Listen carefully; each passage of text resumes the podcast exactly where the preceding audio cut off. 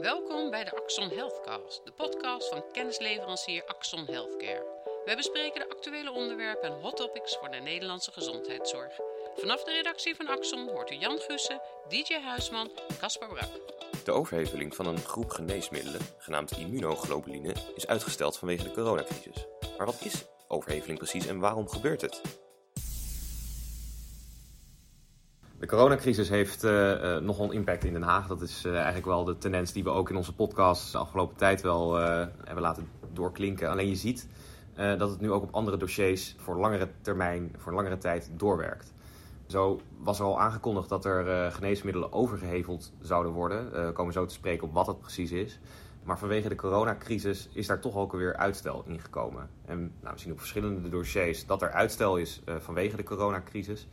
Uh, maar ik wil met jullie graag dieper induiken op, op deze overhevelingen. Dus de aanleiding voor ons nu om hierover te spreken uh, is nou, het uitstel. Maar ik wil ook dieper op ingaan. Wat is overheveling? Waarom is het er? Wat is de impact voor de patiënt? Het lijkt me goed om even bij het eerste te beginnen, bij, de, bij, bij deze aanleiding. Want ja, immunoglobuline, ja, ik, ik, ik, heb er al een beetje moeite mee om het uit te spreken. Maar ik, Ja. ik vraag me af, kunnen jullie daar iets meer Dat over ging nu vertellen? alleen maar om de immunoglobuline. hè? Precies, dat is de enige groep geneesmiddelen die nu is uitgesteld. Die zou Ja. overgeheveld worden per januari 21. En die is uitgesteld naar overheveling per januari 22. Ja, immunoglobuline. Ik, ik denk dat de keuze eh, gevallen is op immunoglobuline omdat het een middel is wat. eh, het wordt eh, gewonnen uit bloedplasma, dus het is in feite een biological. Het wordt uit, uit menselijk bloed gewonnen, dus eh, wat via de bloedbanken binnenkomt. Daardoor is het ook vrij kostbaar. Dus het zijn vrij kostbare producten. En het volume is vrij hoog, omdat het voor een vrij breed spectrum aan patiënten ingezet wordt. En, en dan moet je vooral denken aan veel patiënten eh, die, die lijden aan auto-immuunziekte, spierziekte. eh, MS wordt er volgens mij ook toegepast. Dus dat is toch wel een heel breed spectrum. En dan geeft men dit ernaast als extra afweerondersteuning. Of... Ja, men geeft het in feite als afweerondersteuning. Het grijpt in op het, eh, op het immuunsysteem en het doet daardoor goede dingen voor mensen met bepaalde auto-immuunziekten. Eh, maar ja, er is dus een reden voor dat daar ook een flink eh, eh, prijskaartje aan hangt. Dus ik denk dat ze daar willen kijken dat dat voorschrijfgedrag zo rationeel mogelijk is en zo doelmatig mogelijk is. En dat daarom de keuze ook is gevallen op deze klasse, die overigens gebaseerd op de SFK ongeveer 50 miljoen per jaar aan omzet heeft.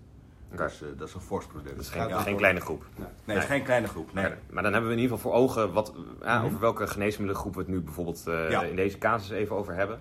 Eh, maar overheveling, wat wordt er precies overgeheveld? Het eh, is eigenlijk een overheveling van eh, het eh, aanspraak hè, van, van, van type vergoeding. Dus daar waar het eerst eh, extramuraal in het gesloten systeem, eh, in, de, in de gesloten aanspraak, zeg maar, de vergoeding was geregeld. Zoals als het op de lijst van het geneesmiddelenvergoedingssysteem stond. GVS, ja? Het GVS wordt het eigenlijk overgeheveld naar de intramurale kant. Dus waar het in het, eh, in het open eh, aanspraak eh, systematiek komt. Intramurale, de integrale bekostiging hè, vanuit het ziekenhuis. Dus eigenlijk neem je het mee in je DBC-prijskaartje van een eh, behandeling waar je dit ook in verdisconteert. Dus het gaat eigenlijk vanuit een extramurale eh, eh, vergoeding naar een intramurale vergoeding. Dus vanuit de apotheek naar het ziekenhuis. Plat gezegd. Plat Plat gezegd. van het GVS naar het ziekenhuis. Ja. Oké, Ja. helder. En dat, En dat is natuurlijk, dat is, eh, dit is niet het eerste waar, waar dat zou eh, plaatsvinden. Dat is destijds in 2012 even uit mijn hoofd gestart. Toen is dat gestart met die TNF-alpha-remmers, de overheveling. Maar dat was een hele grote markt waar ik volgens mij iets veel te groot van vijf, 500 miljoen. Ja, Hè, ongeveer, zoiets. ja. Daarna nog wat middelen in de oncologie ook gegaan. een TNF algoritmes, dat was eh, reuma geloof ik onder andere. Ja, eh, Ja, onder andere Ja. artritis. eh, Ook psoriasis. auto-immuunziekten, een aantal auto-immuunziekten. Dus daar kennen we het van. Ja. Ja. En, eh, dus, en het idee natuurlijk daarachter eh, was om toch een stukje doelmatigheid te, te betrachten. Hè? Want het zijn natuurlijk allemaal middelen die door de specialist worden voorgeschreven. En ehm, nou ja, feitelijk door dat ook wat dichter bij die specialisten krijgen en ook wat meer gecontroleerd en doelmatiger te kunnen voorschrijven, heb je daar A, denk ik, richting een patiënt wat meer grip op. Maar ook vooral in de, in de, nou ja, in het, in het, in het doelmatig daarmee omgaan. Maar dat, dat gaat ook door dan naar de bekostiging ervan. En het idee was natuurlijk, ja, als je het in het ziekenhuis inlegt, dan kan er meer onderhandeld worden door de, hè, met, met de zorgverzekeraar. eh, en zou je onder de streep natuurlijk wat kunnen gaan besparen. En volgens mij is dat ook wel aangetoond bij die, eh, bij die grote groepen die zijn overgeheveld, zeg maar, een pak een beetje acht jaar terug, zeven jaar terug. Daar is best wel wat, eh, wat, wat mee bespaard. Ja. En in diezelfde optiek, volgens mij, stond ook deze overheveling in de boeken bij de minister om, eh, om ook weer wat te besparen. Ik weet niet Ja. voor hoeveel ongeveer. Nou ja, in die boeken daar kunnen we induiken, maar daar, daar zien we een besparing staan van 12 miljoen per jaar Ja. eh, vanaf, vanaf dit jaar.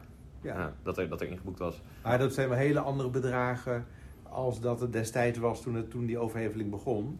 Dat ging echt om veel meer geld. Dus je ziet wel dat de, de, de, zeg maar, nou ja, onder de streep het voordeel wat ermee te behalen is, eigenlijk eh, wel kleiner eh, is geworden. En dat, Ja.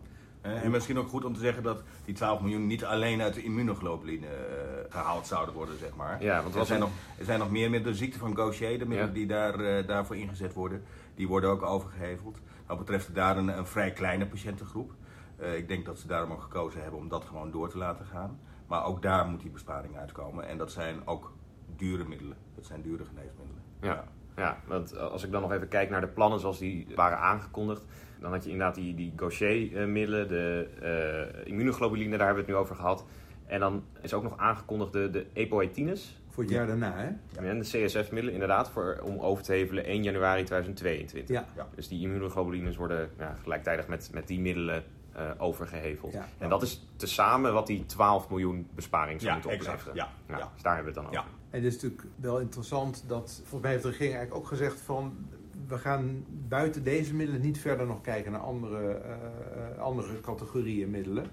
Dus zeg maar voor dit kabinet is, is, is het overhevelen hiermee ook dan klaar en, en Ja. gedaan.